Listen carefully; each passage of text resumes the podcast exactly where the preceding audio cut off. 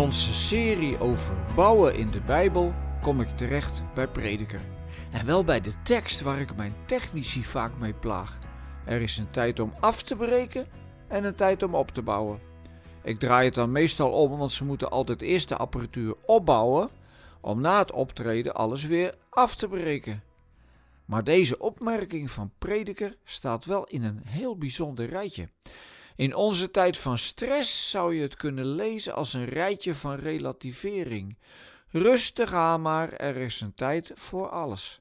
Tijd is er natuurlijk altijd. Alleen onze invulling past niet altijd. En dan ben ik weer jaloers op die uitspraak van een Afrikaan die tegen een Europeaan zei: Jullie hebben het horloge, wij hebben de tijd. Dat er af en toe een tijd is om op te bouwen is logisch, maar moet er ook een tijd zijn om af te breken? Dat klinkt als kapot maken. Maar soms kan dat heel heilzaam zijn. Als je bijvoorbeeld vastzit in al je vooroordelen en uitgesproken meningen, kan het heel goed zijn dat iemand dat fort van jou eens even afbreekt. Dan heb ik het natuurlijk over afbreken in positieve zin. Afbreken in negatieve zin kan zijn dat je iemand bent die graag een ander de grond intrapt.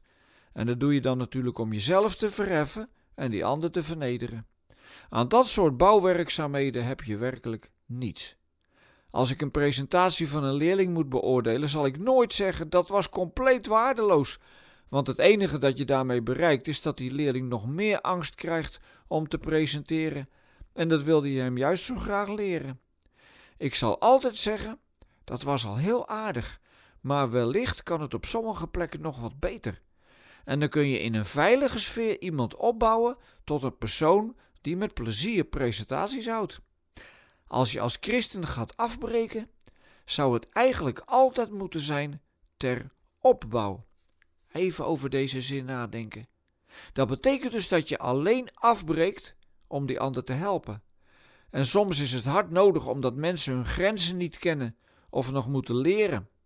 Jezus brak ook wel eens af, maar dat was altijd in gesprek met mensen die van het geloof iets gemaakt hadden waar de liefde eigenlijk niet meer te herkennen was. Een bouwwerk van regels en voorschriften, een compleet dichtgetimmerd verhaal. Terwijl liefde niet dicht te timmeren is. Prediker bedoelt in hoofdstuk 3 dat al deze dingen gewoon gebeuren. Zo zit het leven nu eenmaal in elkaar. Hij komt vaak vermoeid over. Bijna met zo'n houding van: Ik kan het verder ook allemaal niet meer helpen hoor. Maar dan doen we hem misschien tekort in zijn raken overpeinzingen. Toch voel ik me meer thuis bij Jezus, die mensen opriep om te bouwen aan het koninkrijk van God. Om het te zoeken en dan te ontdekken dat het je zomaar geschonken kan worden.